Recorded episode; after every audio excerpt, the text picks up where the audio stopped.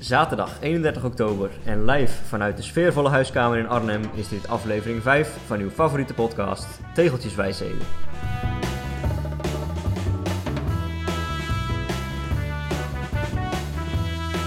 Aflevering 5, een jubileum. Om dat te vieren trokken we vandaag naar Harskamp voor misschien wel de moeilijkste tegeltjes die er te vinden zijn. Een militair schietterrein. Hoe dat afgelopen is, vertellen we komend half uur. Klein tipje van de sluier, beide presentatoren zijn nog in leven. Daar zijn we weer. Alweer de vijfde aflevering. Ik had tijdens de voorbereidingen had ik het over vijf jaar tegeltjeswijsheden. Dat gaat wat Dus- snel. Hè? Dat is een beetje ambitieus. Maar we kunnen straks niet meer op één hand tellen hoeveel afleveringen we gemaakt hebben. Dat is toch wel mooi. Ja, dat, boven verwachting. Want we hebben bij die eerste podcast eigenlijk best wel ons afgevraagd of dit überhaupt leuk is en of er mensen zijn die naar luisteren. Toen zeiden we als er meer dan 10 zijn, dan gaan we ermee door. Nou, dat waren er de eerste keren zo'n 80 tot 100. En dat houdt zich redelijk steady aan. Dus daar eh, gaan we graag voor, eh, voor verder, voor dat eh, luisteraarspubliek. Zeker. En ik denk dat wij misschien ook nog wel een, een ambitie kunnen uitspreken voor de komende, ik zou zeggen, vijf jaar, vijf afleveringen. Nou, in vijf jaar nog vijf afleveringen moet Ja. wel lukken. Laat, laten, we, laten we niet te ambitieus zeggen, gewoon nog vijf. Als we het dan na die tiende aflevering nog steeds leuk vinden en er luisteren nog steeds meer dan tien mensen, dan, dan is het nog wel leuk om door te gaan. Maar het belangrijkste is dat we het zelf leuk blijven vinden natuurlijk. Absoluut. Ja. Laten we dan teruggaan naar het heden. Je zei al net in de intro, we leven nog.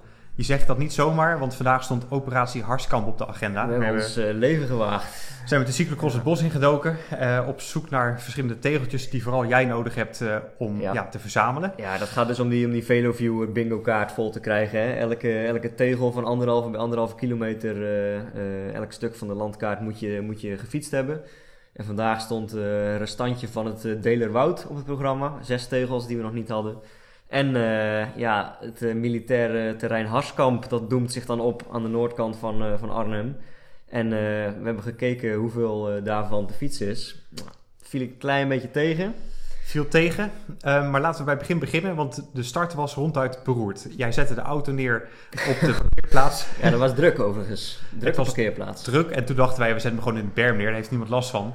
Maar ja, net op dat moment komt de boswachter voorbij. Ja. Hele sympathieke man. Die zei, ja, eigenlijk mag het niet. Ik vond dat wij ook heel sympathiek reageerden. Ja, maar dat- Ja. we zijn ook hele aardige jongens. En toen bood jij nog aan, joh, ik klap de spiegel in. Dan wordt het in ieder geval, in ieder geval makkelijker Ja. om er langs te rijden.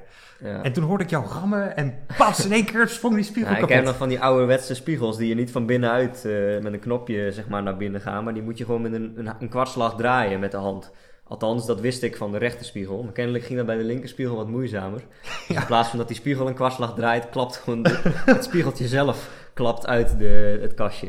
Ja, en dat maakte behoorlijk lawaai. En die boswachter bood nog zijn excuus aan. Die zei, ja, dat is nou ook weer niet de bedoeling. Ja, dus ik heb hem flink, eh, flink bang gemaakt. Dus toen mochten we verder. toen mochten we het bos in. Ja.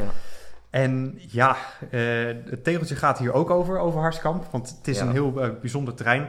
En dat, die tegeluitspraak voor jou van deze week vat misschien wel samen wat er vandaag allemaal gebeurd is. Ja, we, we, we sluiten de, de actualiteit en de tegelrubriek maar gewoon even in dit, eh, in dit agendapunt samen. En om maar meteen te, eruit te gooien, de tegeltjeswijsheid van deze week is... Wil je tegeltjes scoren op een militair terrein, dan moet je niet zo bang als Jesse zijn. Dat is akkoord. Ehm, ja, we hebben goed gekeken waar we wel en niet mochten fietsen. Er stonden een aantal borden, Ja. Joost, met eh, je mag je fietsen tussen, wat was het, tussen 10 Tussen en 10 3. en 5 op zaterdagen. Ja. Als er geen rode eh, bol in de lucht hangt, Ja. dan is het veilig. Eh, maar je mag niet verder dan de gesloten slagbomen. Nou ja, prima, ik, eh, ik sla af, want eh, nou ja, prima. Maar, eh, Ja, ik ben op één punt, ben ik, hè, dat was echt zo'n mooie geasfalteerde brede baan, van 10 meter breed. En eh, er was niemand te zien eh, die actief aan het oefenen was. En er was één punt, daar kon ik drie tegeltjes mee pakken met één straat heen en weer fietsen. Nou, dat heb ik, dat, daar heb ik even mijn leven gewaagd om dat te doen. ja, ik werd toch Maar- wel benauwd. En ik zag Ja. ieder om de 10 meter een bord met eh, artikel 461 Ja. uit het Maar strafboek. wat, wat betreft het schietterrein ben ik het helemaal met je eens hoor. Dat mag eigenlijk niet en eh, het is eigenlijk ook niet slim dat we dat nu vertellen. Maar goed, dat, daar, daar waag ik mijn, mijn hè, daar, daar durf ik nog wel aan dan. Voor Ja. de rustig, rustige omstandigheden die er waren. Want er werd ook natuurlijk niet geoefend op dat moment. Maar jij deed het al in je broek op het moment dat we ergens in het Delerwoud over een, eh, over een slagboompje moesten, moesten stappen. Ja, Ja. dat... eh, Ja, ik let altijd, altijd, altijd goed op, dus ik ben benieuwd of ik ook zoveel tegeltjes als jij kan verzamelen. Want het komt vast wel vaker voor dat je ergens op een terrein komt dat niet mag. Ja, ik doe dat liever niet. ja, logisch, logisch. We blijven nog wel even binnen de routes fietsen, maar nu over de routes die we gaan bouwen. Want ons moraal is helemaal terug. Ik zei vandaag voor jou tegen het einde van de ronde van ja, ik heb eigenlijk wel zin om weer klassiekers en criteriums te rijden. Nou, dat haal ik niet zo heel snel in mijn hoofd. Ja, dat gaat wel van een heel diep dal ineens naar, eh, naar de meeste moraal. Als je al zelfs, eh, zelfs zin hebt om eh klinkercriteriums te rijden. Ja, het gaat weer helemaal de goede kant op. En ik ben laatst goed bezig geweest om routes te bouwen met Komoot. En tegenwoordig ook met Strava, want ik heb nu ook Strava Premium. Kijk aan. En ik heb er eentje gebouwd van 298 kilometer. Wat? Ja, Waarom? acht uurtjes, negen uurtjes. In de winter? Nou, ik denk dat die voor de eh, maart, april opspaar. Die gaat eh, langs de Vanberg, dus dat is Drenthe, waar ook het NK wielrennen dit jaar is geweest, naar eh, de Weerribben. Dat is een heel mooi terrein, maar ja, daar kom je Fle- nooit. Flevoland is dat? Nee, dat is eigenlijk de grens tussen Drenthe en Friesland. En dan moet je in de hoek zoeken van de Noordoostpolder. Ja, bij, bij Lemmer. Slemmer, Ja. ja. je zit boven, boven Zwolle. Het grenst, grenst aan Flevoland daar. In die Ja. Ja, ja. Nou, dat is een route die ik graag wil rijden. Ik heb er ook eentje gemaakt, die is eigenlijk veel korter. Dat is maar 180 kilometer. Oh, Naar de Loostrechtse plassen. een middagje. Dat is dus helemaal voorbij Utrecht, maar dat valt eigenlijk wel heel erg mee. Ben ik nooit geweest. En wat, zijn, wat is voor jou de inspiratie om die routes te maken dan? Waarom, waarom wil je naar die plekken toe? Loosdrechtse plassen, Weerribben.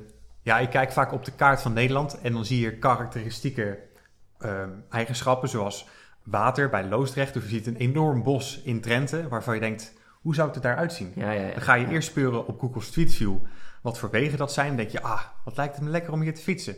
En dan bouw je natuurlijk een route daar naartoe die ook heel mooi is. Dat je niet alleen maar een route hebt naar iets moois toe, maar dat je de hele dag kunt genieten. Ja, Ik heb er ook nog eentje, die wilde ik eigenlijk deze zomer fietsen. In de hitte. Want die had ik al helemaal een naam gegeven. ja ik weet waar dit heen gaat. Ja. warm in oventje. En ja, ja, die moet je even uitleggen. eh, het was warm deze zomer. Dat kan je denk ik wel volgen. Maar er is in Brabant, denk ik dat het is, een gehucht Ja, ja. of een klein dorpje. En dat heet Oventje. Bij, eh, in de omgeving van Mil en, eh, en Zeeland. ja. Ja, en nog een ander militair terrein daar in de buurt, namelijk Volkel. Daar dit- ergens- Dit zijn ook wel de dingen waar ik vaak mijn inspiratie uit haal voor routes. Ehm, dat je gewoon twee leuke plaatsnamen bijvoorbeeld aan elkaar verbindt. Ik heb van eh, onze tipgever, die eerder al een keer wat tips gaf voor de podcast, eh, Bas van der Wouw, die heeft me wel eens de tip gegeven om de route Best Wel Dorst te rijden. Hè, vanuit Best bij Eindhoven naar Wel in Noord-Limburg naar Dorst bij Breda. Dat kan, dat is iets van 150 kilometer. En zo kwam ik van de week op eh, Turkije-Amerika.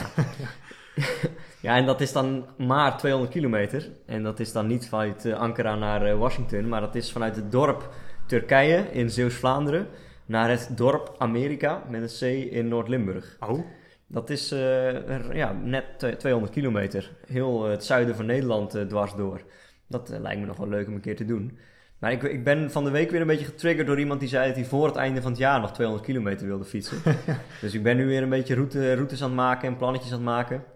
Maar eh, ja, de, de dagen zijn zo kort dat dat echt wel een hele uitdaging is om nu nog 200 kilometer te fietsen. dan Dus zou ik eh, je aanraden om Chinese bouwlampen op je fiets te zetten. Ja. Zei je nou laatst ook dat Herman van der Zand naar Denemarken was Ja, gefietst? ja, Herman van Zand heeft ook zo'n podcast en die, die vertelde daarover over de, de longest day. Dus op 21 juni, hè, de la- langste licht, eh, dag met de meeste licht, ehm, was die van Turkije naar Denemarken gefietst. En dan dus ook Turkije in Zeeuws-Vlaanderen en Denemarken ligt dan in Noordoost-Groningen.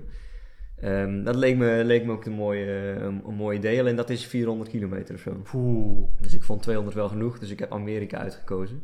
Dat is wel een doel voor mij volgend jaar. Samen met eh, Wim en een paar andere snelle Henkies. Ah ja, Die zijn helemaal, ja, net als ik, een beetje gek geworden. Omdat we dit jaar een rondje Markenmeer hebben gereden. 325 kilometer was eigenlijk best een relaxte tocht.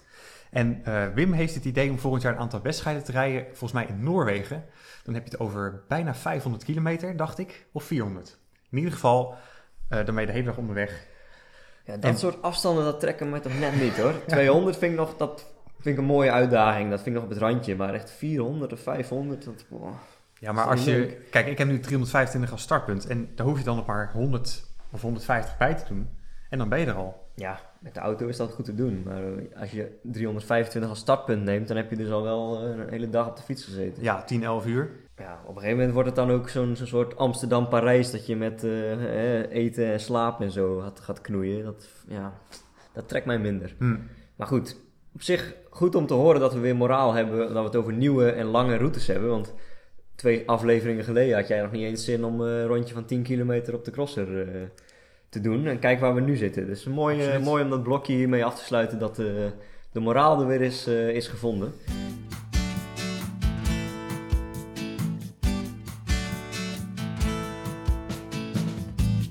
Ehm, maar volgens mij moeten we nog wel even terugblikken op de vorige aflevering. Ja, ik wil je toch behoeden voor het instorten van jouw opgebouwde moraal. Ah. Want ik moet een paar rectificaties aankondigen die geheel op jouw rekening zijn te schrijven.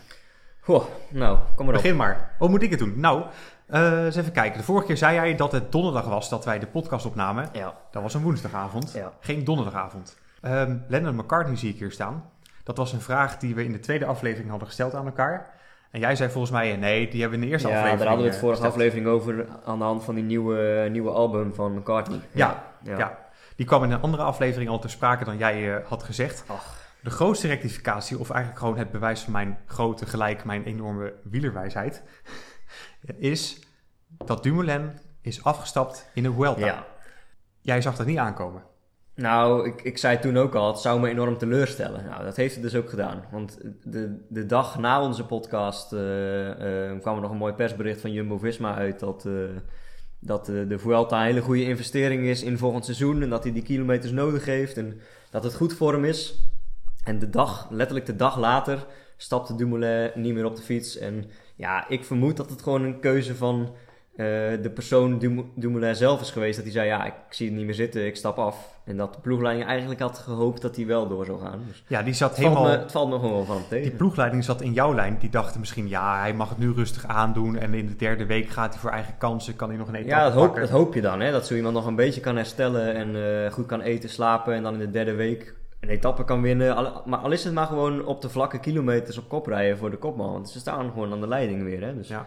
dan gaat gewoon een ploegmaat misschien de Vuelta winnen. Mhm. Dus ik vind het één gewoon jammer van de persoon Dumoulin. Ja, hè, voor zover ik hem ken of er verstand van heb eh, of inzicht in heb. Dat hij niet zo die hardheid heeft dat hij zegt van ja, ik rij nu door. Hè, want volgens de ploeg, volgens de trainer is het een goede investering. En twee, dat hij dan niet zo'n fanatieke ploegmaat is.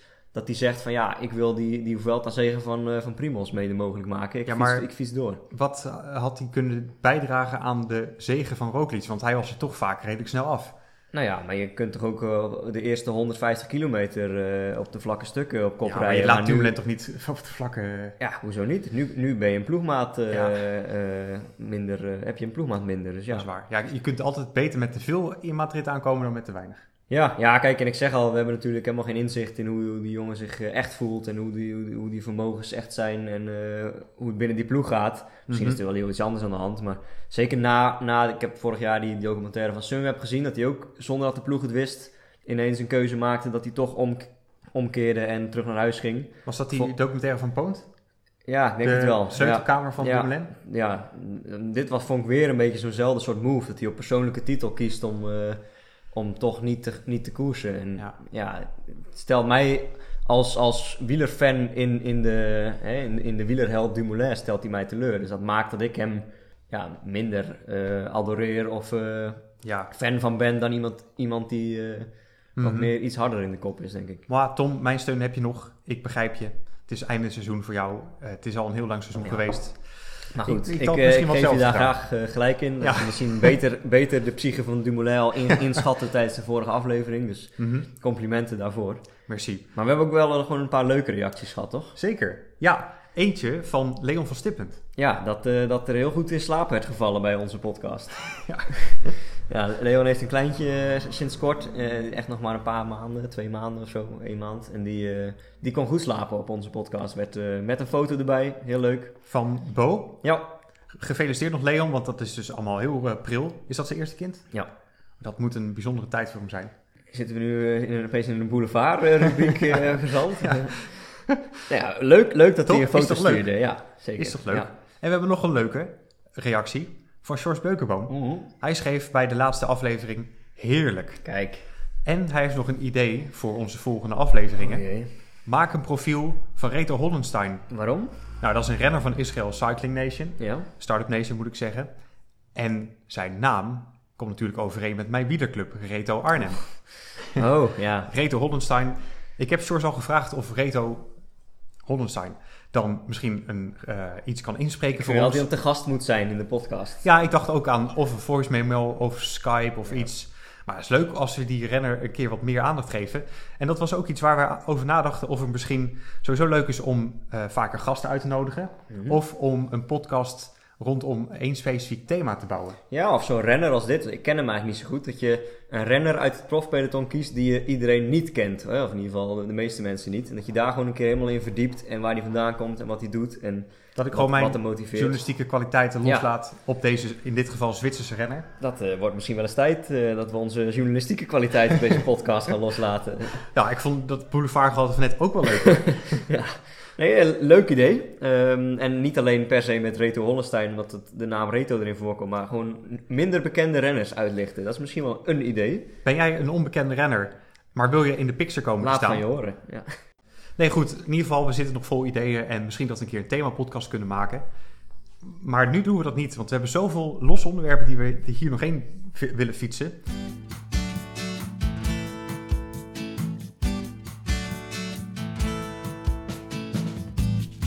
Gaan gewoon eh, even verder binnen het wielrennen, namelijk de Vuelta. Ja, Eh, ik heb gekeken.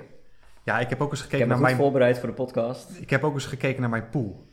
Had ik Ja, jij, niet jij doet nog mee met poeltjes dit jaar. Daar ben ik van afgestapt. Ja. Ik heb het bij de Giro niet gedaan, want toen zat ik nog in mijn dip. Maar voor de Vuelta heb ik wel meegedaan met de pool met collega's En van welke, mij uit de Achterhoek. welke software, welke pool eh, doen jullie dan eh, aan mee? De sportpools.net. Oké. Je krijgt daar punten aan de hand van de prestaties, maar je krijgt ook strafpunten als je bepaalde renners hebt geselecteerd die ja, eigenlijk niet punten moeten pakken. Dat heet dan een kluns. Ah, Bij mij is dat Kroosjartner. Kroosjartner.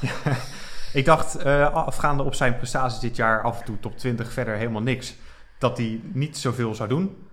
Maar omdat hij zo goed rijdt, krijg ik eh, strafpunten. Ja, hoe krijg je het voor elkaar? Nou, Je, je kan kiezen uit 180 renners die, die niks gaan presteren. Je kiest gewoon de knecht van een eh, ploeg als Burgos of zo. Dan ben je er. Ja, En jij krijgt het voor elkaar om iemand te kiezen die nu gewoon top 10 staat, volgens mij. Hij trekt mij naar beneden. Ik sta helemaal laatste in die pool. Maar dat komt ook omdat Thibaut Pinot is afgestapt, Dumoulin is afgestapt, Martinez is afgestapt. Een klein lichtpuntje is wel dat ik een van de weinigen ben, misschien wel de enige, die Tijmen Arendsman heeft geselecteerd. Leuk. Ja, Hij is derde geworden in de vijfde etappe, Nederlandse renner van Sunweb. uit Tiel, hè? Uit, eh, uit de regio hier. Heb jij wel eens met hem gefietst?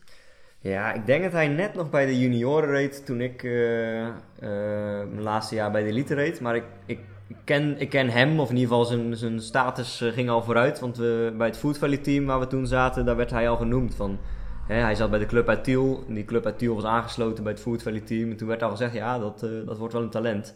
Maar volgens mij heeft hij nooit één wedstrijd van Food Valley gereden. En eh Dat is hij meteen, meteen door naar Sunweb gegaan.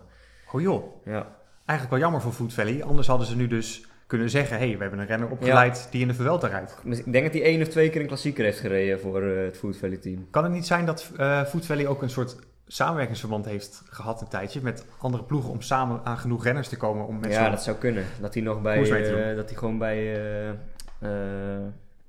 Hoe heet die ploeg? Batouwers. Oh, Batouwers reed. Ja. die komt Tiel. Ja. Dan eh, is de cirkel weer rond. Ja.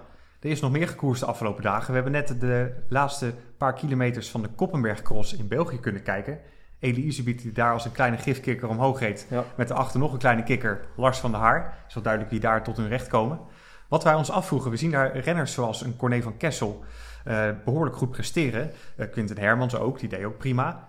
Maar die mensen zien wij nooit echt voorin in een wegkoers. ja, het ging vooral over het enorme verschil tussen Van Aert en Van der Poel. Die duidelijk met kop en schouders bovenuit steken in de cross. Maar nu de stap naar de weg maken en daar ook ineens de top van de World Tour zijn. En dan het verschil met zeg maar de nummer 3, 4, 5, 6 in de cross. Neem een Pauwels, een Aarts, een eh, Van Toerenhout, een Van der Haar. Die rijden ook wel af en toe wegwedstrijden. Maar dat is echt van een totaal ander niveau dan Van der Poel en Van Aert. Zou dat verschil in de cross, dat lijkt veel kleiner. Hè? Want als je het hebt over een continentale renner op de weg, zoals Corné van Kessel, Van der Haar, zeg maar dat niveau. Ten opzichte van winnaars van World Tour wedstrijden als Van der Poel en Van Aert. Als je zou zien dat dat verschil op de weg zo groot is, dan zou je toch zeggen dat in, de, in het veld dat verschil ook nog veel groter moet zijn. Ik denk dat voor een deel de, het gebrek aan dat ultieme talent nog wel te compenseren is met techniek. Ja, Dat speelt natuurlijk een grotere rol in de cross dan op de weg. ja maar zowel Van der Poel, Van Aert als Van Kessel, Van der Haar en dat soort jongens hebben natuurlijk allemaal een goede techniek. Dus je zou zeggen dat als... Hè, het is eigenlijk ik zeg het juist in het voordeel van hen. Als zo'n Van Kessel of een, uh, een Toon Aarts op de cross er nog relatief zo dichtbij zit. Mhm. hè, want hij strijdt gewoon mee met, met die jongens. Zouden die dan niet ook gewoon veel betere wegcoureurs nog kunnen zijn dan dat ze nu doen? Ja. Waar zit hem dat verschil dan in? Is dat puur inhoud of gewoon talent? Want je zou zeggen, als, dat, hè, als die jongens die er in de cross zo kort achter zitten, zo verder achter zitten, waar zouden dan bijvoorbeeld al die wegrenners komen? Hè, de, de- zeg maar degene die eh, kleinere, wil, of kleinere profkoersen winnen, als die gaan veldrijden.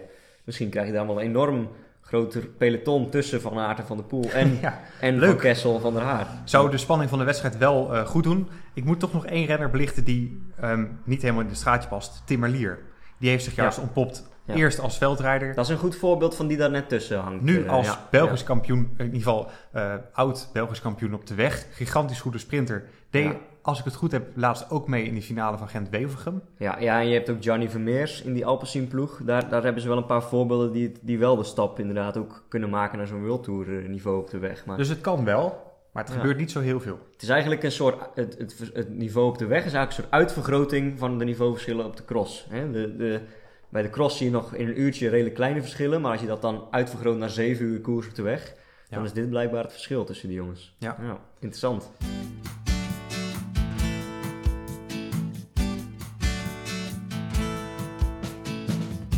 Ja, Ik word binnenkort we 26. hebben een verjaardag te vieren. Ja. eh, Morgen geloof ik, hè? Ja. Ja, ik feliciteer je nu maar vast, want morgen zien we elkaar niet. 1 maar- november. Nee, ik denk niet dat ik jou morgen zie. Nee. 1 november, ja. Nou, dan zijn we bijna net zo oud, hè? Ik, ben 17, ik was 17 november 26. Ik wou aan jou vragen, heb je nog advies wat ik moet doen eh, eh, dit jaar? Maar daar kan je nog niet echt op eh, vooruitblikken. Nee, ja, hetzelfde als afgelopen jaar. ik, ik hoop dat je veel fietsplezier en geluk in de liefde vindt, vooral. Ik vind 26 jaar goed dat je het zegt, want ik vind 26 toch wel redelijk volwassen klinken. Het is voor mij aan de verkeerde kant van de tienerjaren en de twintiger jaren. En het is toch wel een leeftijd waar je langzaam mag gaan nadenken, overwegen over hoe je je leven wil Dan indelen. begint je biologische klok te, te slaan. Mijn eigen stokken. Nou, dat hoop ik niet. Nee. nee, kijk, ik zeg niet dat het moet op je 26e, maar het zijn wel dingen waar je eerder nu over nadenkt dan als je wild en 18 bent Ja. en ja, eh, je hele leven nog voor je hebt. Ben je nog van plan wat te gaan doen op je verjaardag?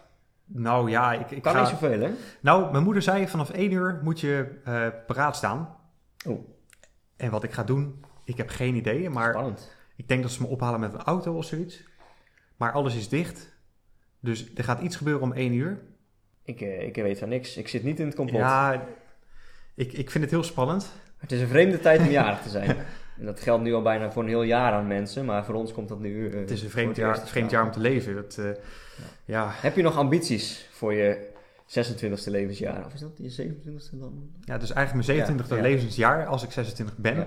Nou, los van misschien dan denken aan een wat stabieler eh, gezinsleven of zo. Ik weet het niet. Ehm, wil ik me in ieder geval verder ontpoppen als amateurrenner. Dit, dat is het niveau waar ik nu rij, waar ik dit jaar 2020 mooi heb kunnen experimenteren. En ik heb ervaren, vooral de Ardennen, dat dat het niveau is waar ik gewoon goed kan meekomen. Mooi. Ik zou graag weer Nederlands kampioen journalisten worden en weer mee kunnen doen aan het wereldkampioenschap. Dat zijn ambities. Ik wil die gewoon allebei winnen. Dat zijn nog grotere ambities. Hoe, eh, wie moet je daarvoor verslaan?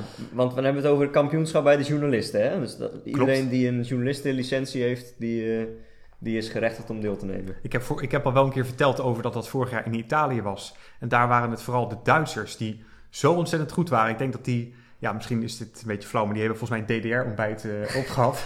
Och, meneer heeft een keer verloren. ja, die waren zo goed. Ik weet niet, die, die, die nou ja. Maar eh, het, het gemiddelde beeld, dus zo'n stereotype journalist, is vaak toch wel een beetje gewoon wat ouder, wat Mm. grijzer, wat ervarener. Tegen wat voor soort mensen moet je het opnemen in zo'n Nee, kampioenschap? het is, het is heel gevarieerd. Ze komen van Rusland tot Duitsland, tot Spanje, tot ik weet niet waar van allemaal. En het gaat echt ja, van 20 tot 60. En er zijn verschillende leeftijdsklassen. Dus ik hoef niet tegen de oudere eh garde te rijden. Echt wel tegen mij. Oh, dus je hebt weer zo'n kampioenschap dat er 20 man op het podium staat. eh, A, B en C. Oké. Ja, dus het zijn vooral de Duitsers die ik volgend jaar op een of andere manier moet zien te gaan kloppen. Ja, misschien is 26 wel mijn geluksgetal en gaat het gewoon lukken. Nou, ik eh, help het je hopen. Geniet alvast van je verjaardag morgen. Ja, dankjewel. Geniet ervan.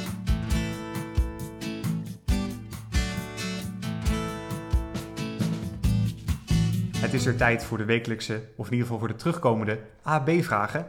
Het is ons weer gelukt om vragen te stellen die eh, de luisteraar, jij hopelijk helpen om eh, ons beter te leren kennen. Het grootste deel van de vragen komt nu van mij af. Ja, ik Eh, zie ze voor het eerst. Ik ben benieuwd naar je antwoorden. Dus de eerste, benen scheren. Ja. Of armen?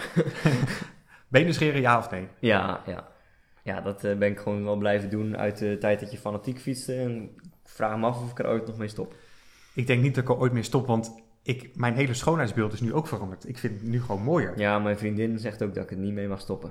Nou, nog erger. Ik zie nu zelfs bij vrouwen af en toe dat ze vergeten Hè? om te scheren. Maar dat is in het algemeen, dat staat helemaal los van wielrennen. Dat- Ja, maar ik vind dus geschoren benen altijd mooier. Oké, ja, ja, ik ook wel. Ik denk dat ik daar tien jaar geleden anders over dacht, maar eh, eens, ja. En als je dan scheert, doe je dat dan met een mesje of met een scheerapparaat? Met de allergoedkoopste wegwerpmesjes eh, van de supermarkt. Ja, Ja, dat is helemaal mijn aanpak, maar dan wel met scheerschuim mag ik hopen. nee. Onder de, dou- Jeetje. onder de douche, gewoon nat. Nee joh, Ja. gadverdamme. Ja, ja. Ah, dat doet zoveel pijn. Nee hoor, helemaal niet. Nee? Nee. Ik doe altijd scheerschuim erop en dan eh, goed douchen en dan afdrogen en dan doe ik er nog Nivea Soft overheen. Want dan heb je een lekker zachte huid die Ja, goed verzorgd jij, jij is. hebt hier ook tien verschillende shampoos eh, op het trekje staan, eh. Maar als ik dat niet doe, krijg ik rode benen. Ja. Jij niet. Nee, nee, ik niet. Nee, ik Hm. heb er net geen last van. Volgende vraag. BMX of baanwielrennen? En zowel kijken als doen. Eh baanwielrennen. Vind ik een mooiere sport. Hoge snelheden, leuke eh, tactische koersjes. Ja. Baanwielrennen heeft ook mijn voorkeur, want BMX is veel te kort. Komt er altijd een beetje aan op, ja goed, eh rij je een paar Ook seconden. mooi hoor, maar het trekt een type, een type coureurs aan, zeg maar, die, die verder van mij afstaan dan baanwielrenners. Qua karakter? Nou, qua karakter, maar ook gewoon qua fysiek. Hè? Gewoon wat, wat, wat agressiever, wat sprinteriger, wat, eh, wat meer knokken. Ik vind baanwielrennen wat klassiekere eh, discipline. Daar Ja. hou, ik van. Eens, eh, helaas dan weer alweer. Misschien dat straks het verschil gaat komen, namelijk met de vraag Roglic of Carapaz. En dan gaat het erom wie de Vuelta wint, denk ik. Goh, je mag het van mij breder trekken. Of Of, wie je je gewoon leuker eh, vindt. ja. Nou, in beide gevallen Roglic. Als ik nu zit te kijken naar dat duel, dan ben ik voor Roglic. Ik zou zeggen, qua Vuelta kansen eh, ga ik voor Roglic. Maar ik moet zeggen, ik vind Carapaz wel leuke, beetje een underdog. Een mooie, ik vond het vooral stijl. leuk in die, in die, in die Mobistar-ploeg vorig jaar. Want dan was hij echt het enfant terrible tussen de, tussen de nette Spaanse jongetjes. En toen won die welke koers ook Ja, alweer? de Giro. Ja, Ja, dat vond ik wel mooi. En die documentaire eh, van Movistar, eh, zo van Ins- Inside the Team, dat, dat was echt wel... Was, hij, hij voegde echt wel karakter toe aan die ploeg. Dus ik vind het een leuke renner. Maar ik vind Roglic, eh, daar ben ik, ben ik meer fan van. Dan. Ja, ik kreeg laatst via Shores een filmpje doorgestuurd van Velon. Dat is een YouTube-kanaal. En die stonden met de camera te wachten tot Roglic over een van de finishstrepen van deze Vuelta eh, reed. Ehm, hij, hij juichte helemaal niet meer. Het was heel raar om te zien. Op de finish. Ja, dus hij ging naar de verzorger, pakte een drankje, maar zijn ploeggenoten, ja, ze kregen een handje, verder niks. Er was totaal geen gevoel Misschien bij. durft hij niet meer te juichen voordat hij Ma- in dit geval Madrid heeft gehaald. Ja. Na zijn ervaring in de Tour. Ja, ik, ik, ik weet niet. Ik, daar zag ik juist iemand die, ja, een beetje van Maar als we dat even op een voorspelling op, opdrijven. Wie heeft er in Madrid, eh, als ze dat al halen, wie wint deze Vuelta? Oké, Roglic. nou, dan zijn we het daar ook over eens. Wat is je favoriete Disney-film? Ehm, dat is of Jungle Book of eh, The Lion King. Daar ben ik niet uit. Een van die twee. Ik blijf ook binnen de beesten. Maar bij mij gaat het dan om twee films. Of Belle en het Beest. En dat is volgens mij de tekenfilm uit 1997. Of de verschillende tekenfilms van Winnie de Pooh. Oké. Dat- Ja, ik vind Winnie de Pooh zo'n en is held. dan Winnie de Pooh je favoriet of Knorretje of Tijgertje? Winnie of, de Pooh. eh, Oké. Ik moet zeggen, ik heb altijd wel veel empathie met eh, Ezel. Die is volgens mij een beetje manisch-depressief Ja, altijd. Ior. Ja, ja. Ior, Ja. exact. Ja, leuk. Ja. Ezeltje prikken. Ja. Ja. Oh. Ja, ik vind ook van die, van die, eh, van die pompeuze filmmuziek ook wel mooi. Dus dat zit ook wel in The Lion King en, eh, en Jungle Book en Tarzan ook wel. Echt van die- Ah. Wat? Oh, ik dacht, je maakt hem even af. Eh, ja, nee, eh, ondertussen starten we The Lion King in. Ja, leuk. ja. Eh, nee, ja, ik denk The Lion King, ja. Als je een tijdmachine mag gebruiken, ga je dan terug in de tijd of vooruit? Ik denk terug in de tijd, want dan kun je alles nog een keer beleven. Tenminste, te- als je gewoon dezelfde tijd dan weer opnieuw beleeft, dat vind ik wel leuk. Ik heb het idee dat als je in de tijd vooruit gaat, dat je iets overslaat. En dan, het zou zonde zijn. Ik denk dat de komende jaren best wel leuk zijn, dus ik zou het zo- zonde vinden om die over te slaan. Ik zou niet permanent terug willen naar een tijd, maar bijvoorbeeld voor één week zou ik het heel leuk vinden om eens een keer te spieken in de middeleeuwen. Of zo'n beetje eh, de jaren 60. Heb ik zou het ook best wel leuk vinden om gewoon weer op de basisschool te zitten. En dan dat zorgeloze bestaan daar te hebben. En, eh, voetbalplaatjes te sparen en te knikkeren. En, eh, vond, vond ik een leuke tijd. Zou je dan wat anders hebben gedaan zodat je er nu anders bij zou zitten? Met de kennis van nu. Met de kennis van nu. Nou, ik weet niet. Misschien, ja, dat is nu eh, met, op deze leeftijd anders praten. Maar misschien dat ik eerder, eerder interesse in meisjes zou hebben nu dan, dan toen. Mhm. Als dat kan, met retrospectief toen, met de kennis van nu. Ja. Ik was daar nooit zo mee bezig tot op de middelbare school. En, eh, Toen, toen begon dat pas bij jou. ja, eind middelbare school. Ja. Ik weet, bij mij groep 7, groep 8 kreeg opeens iedereen verkering met iedereen. Oh, is een hele dat gekke dat tijd. gek. De ene week met die en dan weer met Was die. dat op de Bijbelbelt? nee, in Arnhem. Oh. Maar dat viel me op aan die tijd. Dat, dat begon dus bij ons iets vroeger dan bij jou. Ja, het verschilt gewoon een beetje per klas of per school, denk ik. Als daar eentje mee begint en de rest vindt dat leuk, dan doen ze dat. Maar dat is natuurlijk nog helemaal niet serieus. Maar Nee. zeg maar, als je je puberteit begint, dat, eh, dat, die, ik heb daar een paar jaar eh, eh, verstek laten gaan, denk ik. Ik zou niks willen terugdraaien uit het verleden, maar ik zou wel graag willen dat ik iets eerder was begonnen met wielrennen. Ja, Om te kijken Ja. wat er dan eh, in had gezeten als ik vanaf mijn tiende of zo echt Ja. serieus was gaan trainen. misschien was je het dan op je achttiende wel helemaal zat geweest, omdat je dan niks meer won en eh Of was ik nu prof geworden? beter. Ja, wie weet. Ja. Who knows? De laatste vraag. Als je ergens anders op de wereld mag wonen, waar zou dat dan zijn? Ja, ik denk, eh, ik, ik- ik ben er nog nooit geweest, maar ik denk Australië. Oeh, Ik vind dat echt een mooi land. Maar Heb vooral qua, qua sportcultuur.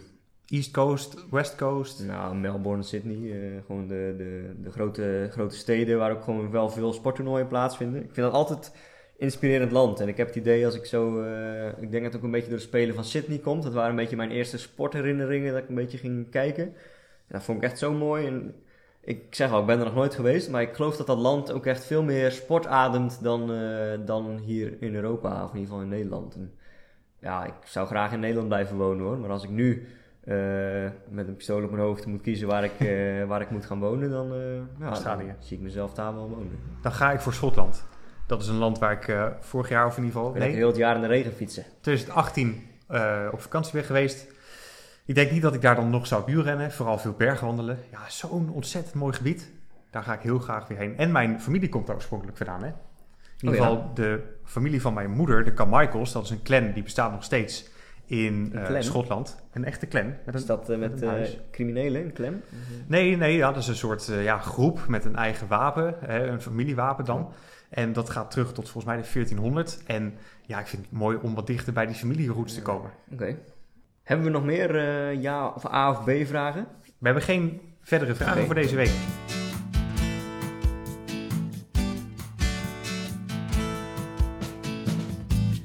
Dus kunnen we door naar de lezer-luistertips. Ja, ik heb er eentje. Yes. Eh, ik heb een boek uit. Ach, Ehm, voor de mensen die het boek eh, De 100-jarige man die uit het raam klom en verdween kennen. Super hum- humoristisch boek. Ik denk dat dat ongeveer mijn favoriete boek is. De schrijver daarvan, Jonas Jonasson, die heeft nu het derde, zijn derde boek uit. Dus 100-jarige man was één. En dan eh, de zonderlinge avonturen van het geniale bommenmeisje. Dat was boek 2. En hij heeft nu een boek 3 in diezelfde lijn. Totaal ander boek, dus je kunt hem gewoon als nieuw beginnen. Ehm dat heet Zoete Zoete Wraak BV. Echt geniaal. ja, daar gaat het over. Ja, fijne absurdistische humor van de samenloop van omstandigheden die dan in, in Zweden, want het is een Zweedse schrijver, eh, samenkomen. Echt ontzettend grappig. Het, is, het zijn boeken waarbij ik gewoon nou, elk, elk hoofdstuk wel hardop zit te lachen. Dat is echt leuk. Oh, daar heb ik eigenlijk wel behoefte aan. Het is, eh, het is fictie, het is gewoon eh, leuk, eh, lees leuk weg. Het is geen hele zware literatuur, dus het is echt wel een goede tip. Wat leuk. Ja, Nou, ik kan denk dat, aanraden. denk dat dat inderdaad een hele goede aanbeveling is. Dan richten we ook nog even het woord tot jullie luisteraars. Want is er nog iets in deze podcast dat volgens jullie ontbreekt? Is er een onderwerp waar wij vaker over, over moeten praten? Of is er, iets anders dat wij moeten uitlichten? Ja, we vinden het sowieso leuk als er gereageerd wordt hè, op de podcast, wat het ook is. Of je een rectificatie hebt, of gewoon laat weten dat je geluisterd hebt. En, of in slaap eh, bent gevallen? of in slaap bent gevallen, of, of dat je iets niet, niet zint aan de podcast. We horen het graag. Maar omdat wij ook nu vijf afleveringen hebben gehad en vooruitblik op de toekomst, zijn we inderdaad benieuwd om een beetje richting te geven. Waar, waar, willen, waar willen onze luisteraars, die we nu de afgelopen vijf afleveringen hebben opgebouwd, waar willen die dat wij het over hebben? Want tot nu toe hebben we een beetje zelf gefreewheeld. En het gaat soms een beetje van de hak op de tak. We hebben het over van alles. Dus als onze groep die we nu hebben gebonden, als die nu laat weten waar we het over moeten hebben, meer of minder, dan, eh, dan wordt het misschien Meer of iets. minder? Ja, gewoon eh, meer over het een of het ander. Ja, oké. Ja. En, Nou, dat mag ook of we überhaupt meer of minder moeten praten. Of die korter of langer mag. oh ja, Dat kan ook. ja, Want we houden het nu proberen steeds op een half uur ongeveer. Soms iets eroverheen. ja, royale half uurtjes zijn het Stel dat je tijd. zegt het moet max 20 minuten. Want dan haal ik het precies van de bus naar mijn eh, werk. Dan eh, mag ook. Ja, zeker. Zeg maar. En we zijn ook benieuwd hoeveel mensen de bloopers hebben gehoord de afgelopen keer. Ja, we hebben stiekem na de, na de, af, eh, na de eindtune hebben we nog bloopers geplakt. Althans, Bloopers? jij doet dat, de bloopers. Bloopers. En ik, ik vond het leuk om te horen. Maar ik vraag me af hoeveel mensen het helemaal tot daar hebben uitgeluisterd. Ja. Dus eh, ook als je die hebt gehoord, laat het ons weten. Maar misschien gaan, er, gaan we daar nu wel iets monteren dat essentieel is om te horen. Ja. Ja, een soort geniale aanwijzing voor waar je de volgende aflevering kunt vinden. Een versleutelde boodschap. Ja, ja. Ik ga er nog even over nadenken, maar eh, we gaan ons best doen. Denk erover na, dan sluit ik vast af. Luisteraars, hartstikke leuk dat jullie nog steeds bij ons zijn. Dat Ja, je dat weer hebt geluisterd naar deze Ja, vijfde aflevering. Voor ons vliegt de tijd voorbij. En ik kijk nu alweer uit naar de volgende aflevering in mijn 27e levensjaar. Tot die tijd zeg ik, hou je haaks. Houdoe! Doei.